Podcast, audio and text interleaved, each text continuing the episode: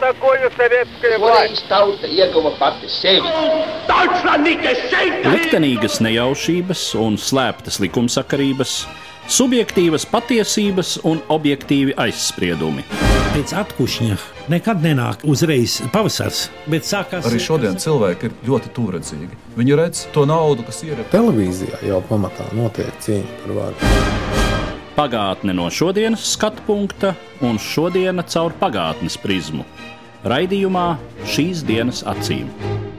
Katru svētdienu Latvijas radio eterā Eduards Liniņš. Labdien, cienījamie klausītāji! 25. martā atkal pieminēsim staļinisko deportāciju upurus un šajās masu represijās cietušos.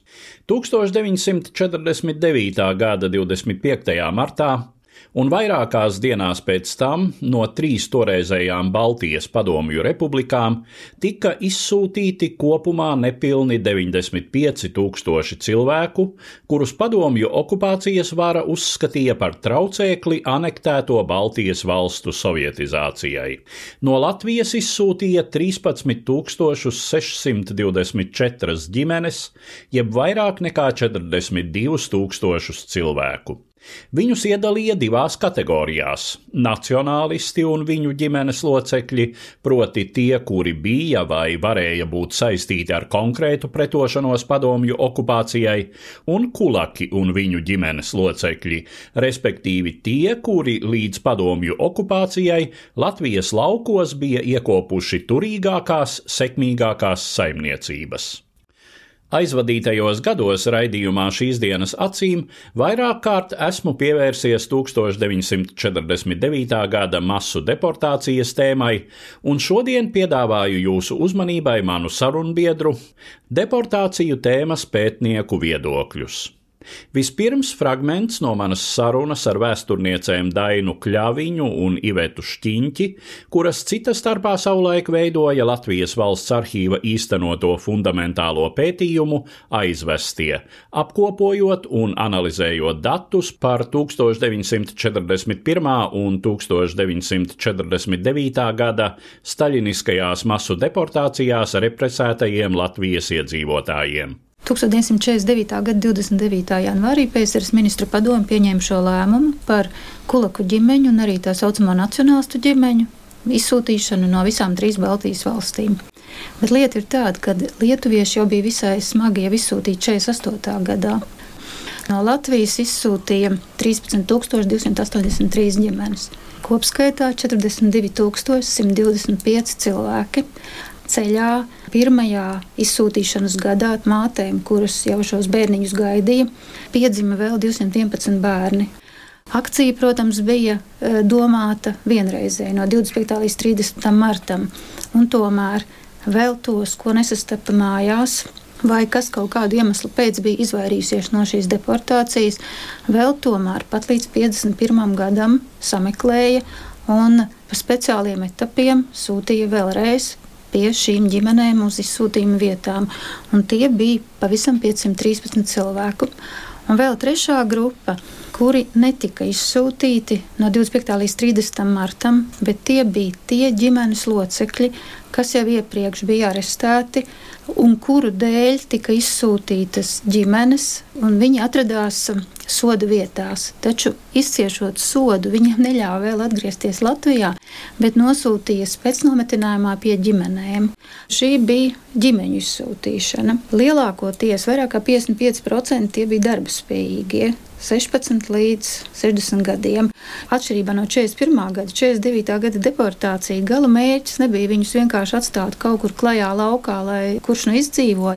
Šajā gadījumā tas bija arī darba spēks, te paputējušiem Sibīrijas kolhoziem. Mēs ņēmām arī datu bāzē, skatījāmies katra cilvēka nodarbošanās. Jāņem gan vērā, ka precīzi varbūt tās anketas nevar aizpildīt, tāpēc, ka lietās bija neprecīzi dati.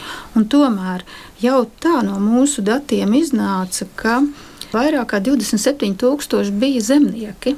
Tas nozīmē, ja mēs vēl atskaitām šos bērniņus, ja līdz 16 gadiem, ka patiešām lielākā daļa tie bija lauku iedzīvotāji. Un to parāda arī mūsu datu bāzes dati par pilsētu un lauku iedzīvotājiem. Ja kopumā no Latvijas izsūta 2,2% iedzīvotāju, tad pilsētu iedzīvotāji parasti ir 0,5%. Tad mēs redzam, ka tā bija lauku iedzīvotāju zemnieku izsūtīšana. Šī politika jau bija Padomu Savienībā ļoti labi izstrādāta. Jūs jau minējāt par šo cilvēku pārvietošanu. Salīdzinoši grūti ir šodien pateikt, kāpēc notika tāda cilvēku pārvietošana, kā piemēram no tā paša Altai novada uz Omskas, Tomskas apgabaliem vai vēl drusku tālāk uz ziemeļiem. Būtībā arī tur tika pārvietoti turīgie zemnieki strādīgākā cilvēka daļa, un acīm redzot, tā politika bija tāda, ka lūk, arī viņi nebija īpaši vēlami gan no politiskā aspekta šai varai, gan arī varbūt tīri no saimnieciskā viedokļa, ja mēģināja pārvietot uz reģioniem, kur tiešām vai nu viņi vēl nebija apgūti, vai bija tas darba spēks ārkārtīgi vājš. Iepazīstoties ar Krievijas arhīvu materiāliem, mēs redzējām, ka principā šī politika bija skaidri definēta jau tā laika rīkojuma dokumentos, kurus saņēma Sibīrijas. Sibīrijas apgabalu vadība. Tā uh, lieta jau bija sagatavota, un par šo akciju zināja patiesībā sakot jau 49. gada sākumā jau attiecīgās varas struktūras. No Latvijas 30.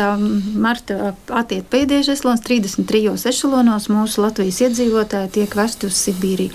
Tur februārī jau ir sadalīts, kuros kolhozos, kurš rajons, cik ģimenes jau ņem. Ap 7. aprīli pirmie ešaloni ierodas Omskā. Tur paliek jau lielākais iedzīvotāju skaits. Nākošie ešaloni turpina ceļu uz Tomsku un visbeidzot pēdējie četri uz Amūru. Ģimene ir kopā. Tad ir tas nākošais posms, ģimenes izkāpa laukā no ešaloniem, ir gatavi rajoni saņemt, pat gribētu uzteikt kā tādā vergu tirgu. Piebrauc pajūgi, vai arī tās ir baržas, ja tas ir pa upēm, un atkal paņem noteikto ģimeņu skaitu. Mēs jau paši strādājot Tomskā, Omskā redzējām, ka februārī jau visiem ir jābūt gatavībā, ka ir jāzina, cik ģimenes uzņems, jāsagādā dzīvē nepieciešamais, lai cilvēki var uzcelt mājas vai ne, bet tas ir savā ziņā kurios, jo tur pasūta no Maskavas naudas līdzekļus stiklam, naglām. Mēs lasījām šos dokumentus, te pašā laikā ierodas latvieši, nav ne stiklu, ne naglu, mājas nav uzceltas, izmitina. Tieši precīzi, precīzi kolhos priekšādēsies, kas visu ir izsaimniekojis, lai paslēptos no soda, aiziet armijā, un mūsu nabaga latvieši tādā gadījumā izmitina pie tiem pašiem vietējiem iedzīvotājiem. Bieži vien iedala atsevišķām pat izsūtīto ģimenēm, četrām ģimenēm, sākotnēji nelielu istabiņu. Pēc tam ar laiku, protams, situācija mainās. Latvieši strādīgi tauta iekop savu lauciņu, iekop savu mājiņu un uh, dzīve mazliet izmainās. Bet pirmais gads mūsu izsūtīto ģimenēm ir visai grūts. To mēs redzam arī pēc mūsu statistikas, ka salīdzinoši lielāka ir mirstība. Izsūtītie ierodas aprīlī vai pat pašā maija sākumā. Tur ir kolekcijas sistēma. Katram ir jāizstrādā noteiktas izstrādes dienas, bet cilvēki ir ieradušies maijā, kamēr iekārtojas, nepaspēja izstrādāt izstrādes dienas. Līdz ar to viņiem nepienāks attiecīgā produktu deva. Bērniem rudenī jāiet skolā, bet nav siltā apģērba. Tās nav teiksim, mūsu vienkārši saklausītās emocijas. To mēs arī redzējām Tomskas, Somskas apgabala arhīvos parādās rajona izpildkomiteju, uz apriņķu izpildkomiteju ziņojumi, ka izsūtītajiem nepietiek apģērba, nepietiek pārtikas, lai izdzīvotu. No tās informācijas, ko mēs ieguvām no dokumentiem, dīvaina bija šī varas izpratne par darba spēku izmantošanu. Augstākās varas lēmumu paredzēja sagatavot šo vidi, kur viņiem apmesties, bet, nu, zinot padomu sistēmu, skaidrs, ka lielākajā daļā līdzekļi bija iztērēti. Un tāpat laikā interesanti, ka mēs redzējām arī dokumentus, kas stipri vien ierobežoja un liedza pašiem izsūtītajiem kaut ko darīt, jo viss bija centralizēti. Ja mēs paskatāmies, kādas dabas bagātības turpat blakus stāigi, kur nevajadzētu būt problēmām ne ar koku materiālu, ne ar kurināmo, tas viss tiek centralizēti no augšas sadalīts, kaut kur tiek gatavots, un nevis tie cilvēki paši to var izdarīt, bet viņiem pat neatļauj. Arī zemes gabali, kurus varēja tur iedalīt, es nezinu, hektāriem, arī tie bija ļoti mazi un ierobežoti to, ko viņi paši drīkstēja apsēt vai kaut ko sev audzēt. Nu, tiešām tā dīvaina tā politika ir grūti to mums šodien pat tā īsti uztver. Vēl visi šie izsūtītie cilvēki, viņiem bija jāstājas spēckomendantūras uzskaitē. Tā tad ir noteikta teritorija, kur viņiem divreiz mēnesī ir jāatzīmējas un, un nedrīkst šo teritoriju atstāt. Bet arī vienā no ziņojumiem bija situācija, ka bieži vien rēķinveži, grāmatveži ir šie paši izsūtītie cilvēki. Un nereti arī pat kolhozu priekšsādātāji, ne tikai izsūtītie latvieši, bet arī jau iepriekšējos gados tie, kas ir izsūtīti vispār padomju savienības ietveros. Un tagad uz apgabalu centru jāved ir atskaites, un izrādās, ka nu, nav kas vada, jo ļoti daudz no šiem ir paši izsūtītie, ka viņiem vispirms ir jādabūs pēc komendanta atļauja, un tikai tad viņi var tur ierasties. Tā kā pat tādi kuriozi.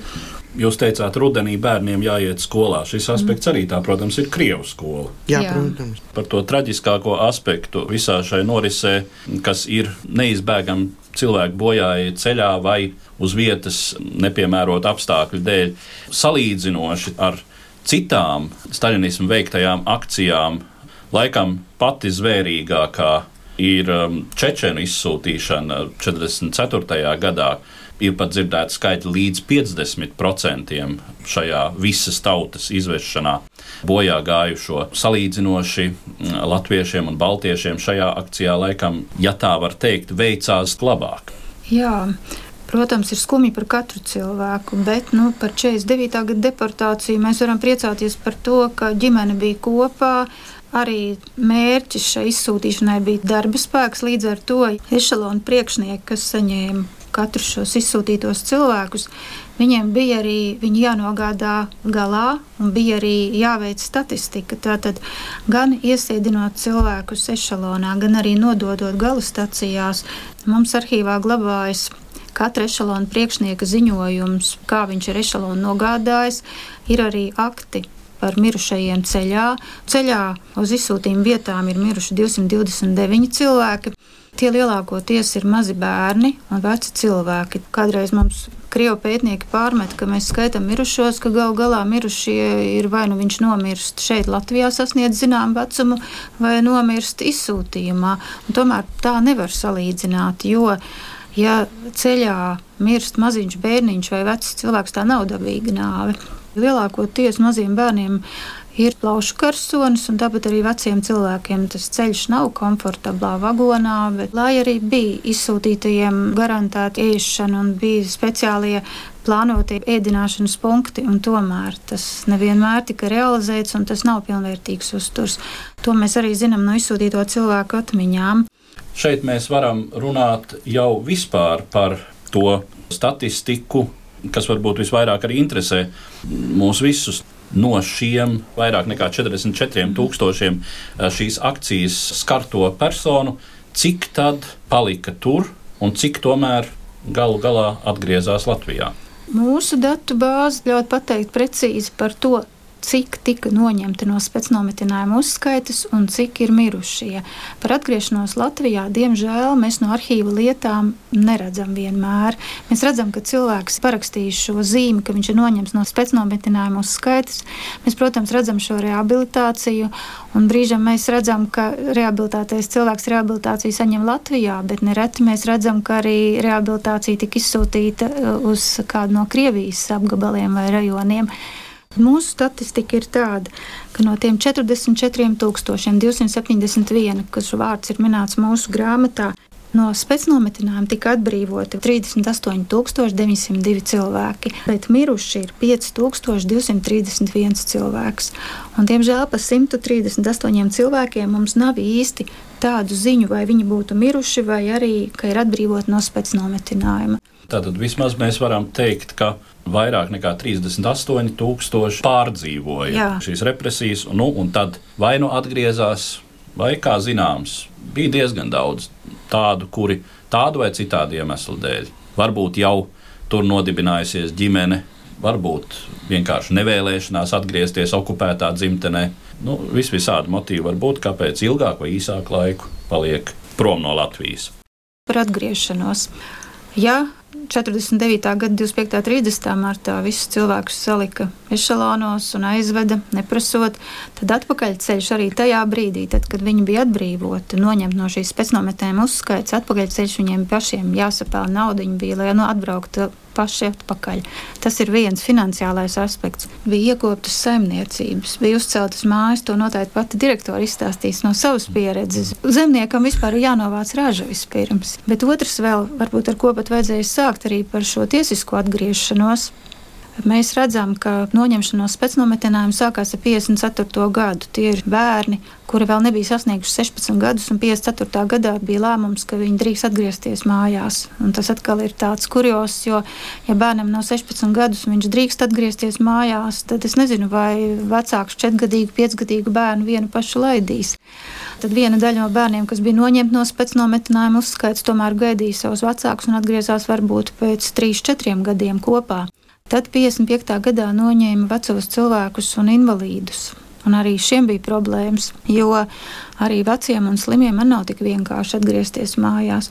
Un tikai ar 58 gadu pakāpeniski sāka noņemt gan šos kulaku ģimenes locekļus, gan arī vēlāk jau arī šos nacionālistu ģimenes locekļus. Bet šeit bija divas grupas. Vieniem paraksts par atgriešanos paredzēja, ka viņš drīkst atgriezties arī Latvijā un arī tajā rajonā, no kur ir izsūtīts. Bet bija vesela grupa cilvēku, sevišķi nacionālistu ģimenes atbalstītāji, kuriem bija jāparaksta šis paraksts par noņemšanos pēcnometinājuma uzskaitas, kurā bija ierakstīts, ka ir noņemts no pēcnometinājuma uzskaitas, bet drīkst atgriezties jebkurā PSRS teritorijā, izņemot to vietu, no kurienes ir izsūtīts. Domāts tieši tas rajons, tomēr šiem cilvēki nereti atgriezās. Pēc Staļina nāves jau tomēr tas režīms mīkstinājās, jeb arī gaidīja, kamēr konkrēti jau no attiecīgā rajona saņem to, ka nu, viņi drīkst atgriezties.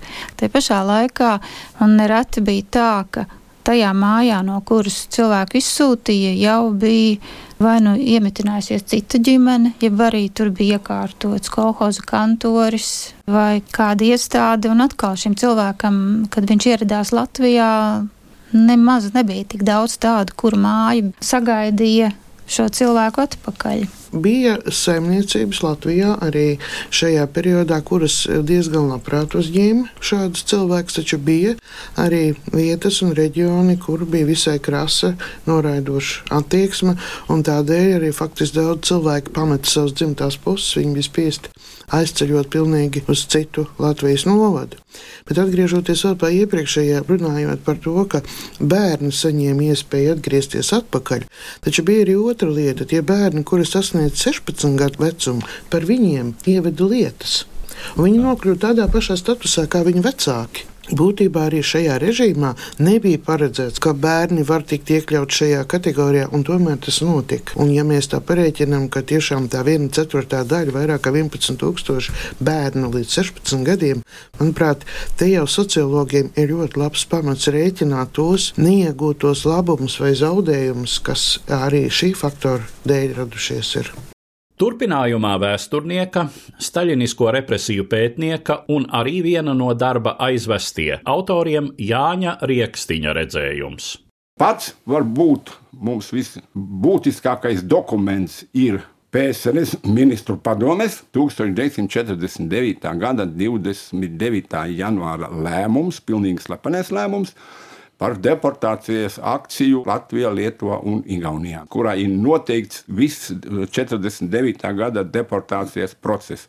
Un līdz ar to es gribētu šeit uzsvērt, abas šīs lielās deportācijas tika iecerētas, organizētas un īstenotas kā PSRS politiskās vadības centrālās akcijas. Tur nav nekāda runa par kādiem Latvijas vai vietējiem, vai apriņķiem, rajonu, ciemu padomju pagastu kādām tur iniciatīvām, vai kaut kas šīs ir centrālās akcijas, kuras tika rīkotas pat kā militārās akcijas.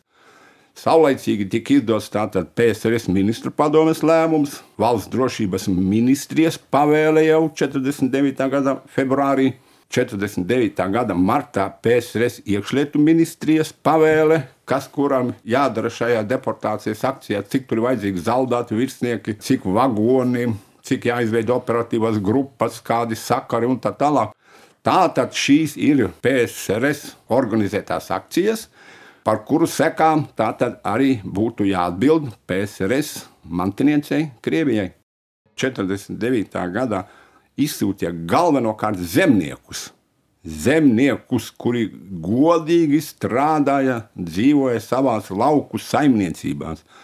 maksāja ārkārtīgi smagus nodokļus un nodevas. Līdz 49. gadam jau ar nodokļiem vien bija izputinātas vairāk kā 5000 zemnieku saimniecības. Viņiem tajā dienā vai tajā naktī, kad viņus veda projām uz Sibīriju, viņiem daudziem nebija ko līdz pat paņemt dienasčā maizīt, ko sataisīt bērniem, nu, līdz kādas pārtikas, tur paciņu vai kaut ko tamlīdzīgu.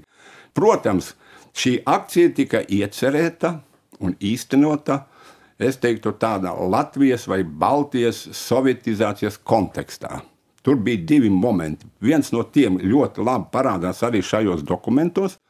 Tātad, lai pātrinātu, pasteidzinātu lauksaimniecības kolektivizāciju. Tas bija viens. Izvākt cilvēkus, kuri tajā laikā, sākot no 47. gada, bija nodēvēti tāpat kā savulaik Krievijā par kulakiem, Otrkārt, lai likvidētu bruņoto pagrīdi vai bruņoto pretošanos. Runājot par šo otro patās bruņotās pagrīdes likvidāciju, šeit mums arī minēti šie skaitļi, cik šos cilvēkus izsūtīja, bet izsūtīja ne jau viņus, bet izsūtīja šo represēto cilvēku ģimenes locekļus. Un tas ir viens no manā izpratnē visbriesmīgākajiem pat tā laika padomju likumu pārkāpumiem, jo piemēram, viens vai otrs cilvēks bija arestēts un notiesāts 47. vai 48. vai varbūt pat 44. 5. gadā, atradās kādā tur lēģerī gulagā.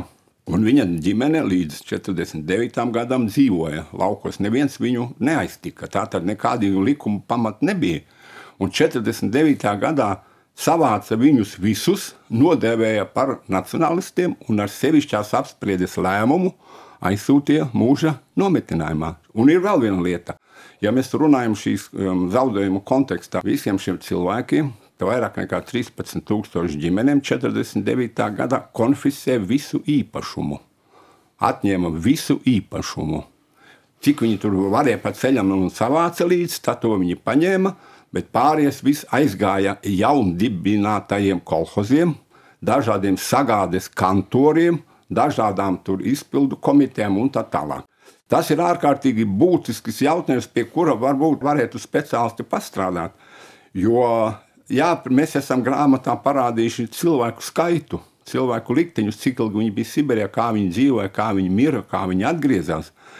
Un esam nedaudz skāruši arī zinātniskajā ievadā jautājumu par viņu īpašumu, bet eh, to īpašumu varbūt varat vēl papētīt eh, atsevišķi, jo Tas ir ļoti būtiski. Kas tad notika ar viņu zirgiem, lopiem? Es skatījos pat dokumentus, ka 49. gadā steigā organizēja dzelzceļa stacijās ešalonus, lai tos lopus sūtītu kaut kur uz Krieviju. Latvijā to kolkozu vēl nebija tik daudz, kur viņus varētu visus likt. Un savukārt, ka šie cilvēki 50. gadu vidū varēja atgriezties Latvijā vai sāk atgriezties Latvijā, īpaši to es atkal uzsveru par 49. gada izsūtītiem zemniekiem, viņiem neko neatdeva. Viņiem neļāva dzīvot savās mājās. Viņiem nebija darba, viņiem nebija faktiski jumta virs galvas. Arī mūsu rīcībā ir šie dokumenti. Un ministru padomu par šos lūgumus neizskatījās. Izrādījās ārkārtīgi paradoxāla situācija. Nu, tā tad izsūta 49. gada martā cilvēkus bez jebkādas vainas bez jebkādas vainas. Viņiem nekāda vaina netika uzrādīta. Viņus aizsūta paši Sibīrijā, viņu īpašumu paņem, izposta, izlaupa. Ļoti lielu daļu ieskaita PSRS budžetā, kas ir ļoti būtiski. Un pēc tam, kad viņi atgriežas sabruka Stalina impērijā, viņi plika un nabagi. Pat ļoti daudziem neļauj dzīvot tajā rajonā vai tajā pagastā, tajā ciemā, no kur viņi bija izsūtīti. Katra izsūtītā lietā ir arī ļoti plaša saraksta daudzām iestādēm un dažāda rakstura jautājumiem un atbildes. Un ir arī šis jautājums. Viena otra lieta bija patīkamāk skatīties tam dēļ, ka, piemēram, 52. un 53. gadā cilvēki atrodas tālākajā Sibīrijā, viena vai otra ciema vai kolhoza ļaudis sapulcējās, pieņem rezolūciju par to, lai to vai citu cilvēku atgrieztu vai ļautu viņam atgriezties Latvijā. Protams, kad sakrājās vairākas tādas vēstules, gan ministru padomē, gan iekšlietu ministrijā, tad viņi atkal pieņēma bargas rīkojumus, ka tādas izziņas nedrīkst pieņemt un nedrīkst izskatīt. Bet šeit jau ir tā dažādā attieksme, jo ir atsevišķos rajonos, kur viņu izpildu komitejas priekšstam jautā, vai, vai ciempandos priekšstam jautā, vai ir vēlams, lai tas vai cits cilvēks atgrieztos ciemā. Viņi saka, protams, ļoti labprāt, jo nav jau kas strādā. Mēs zinām, cik lauka tolaik bija izpostīta nolaista. Bet ir arī tādi šerpaki, kas uzskata, ka nē, šis cilvēka faktors ir visos momentos, sākot teiksim, jau no izsūtīšanas dienām līdz viņu atgriešanās dienai Latvijā, arī šis cilvēciskais faktors eh, pavīd dažādos aspektos. Un visbeidzot, fragments no sarunas ar Latvijas okupācijas muzeja vēsturnieci Leldi Neimani. Sākumā es noteikti vēlētos apgāzt mītu par to, ka ļoti daudz cilvēku domā, ka vietējie varas pārstāvji sastādīja šo sarakstu. Tā noteikti nebija.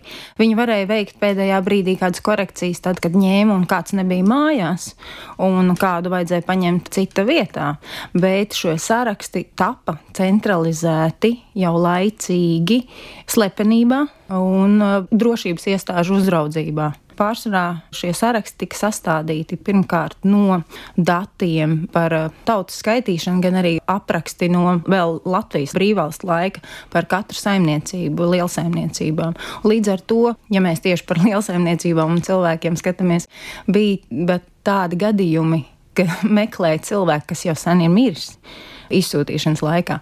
Protams, kaut kādas korekcijas pēc kara ir ieviesuši, un arī pēc kara ir kaut kādas skaitīšanas vai pagastu atskaites, kāda cilvēka dzīvo, bet to noteikti vienpersoniski nelēma pagastos uz vietas.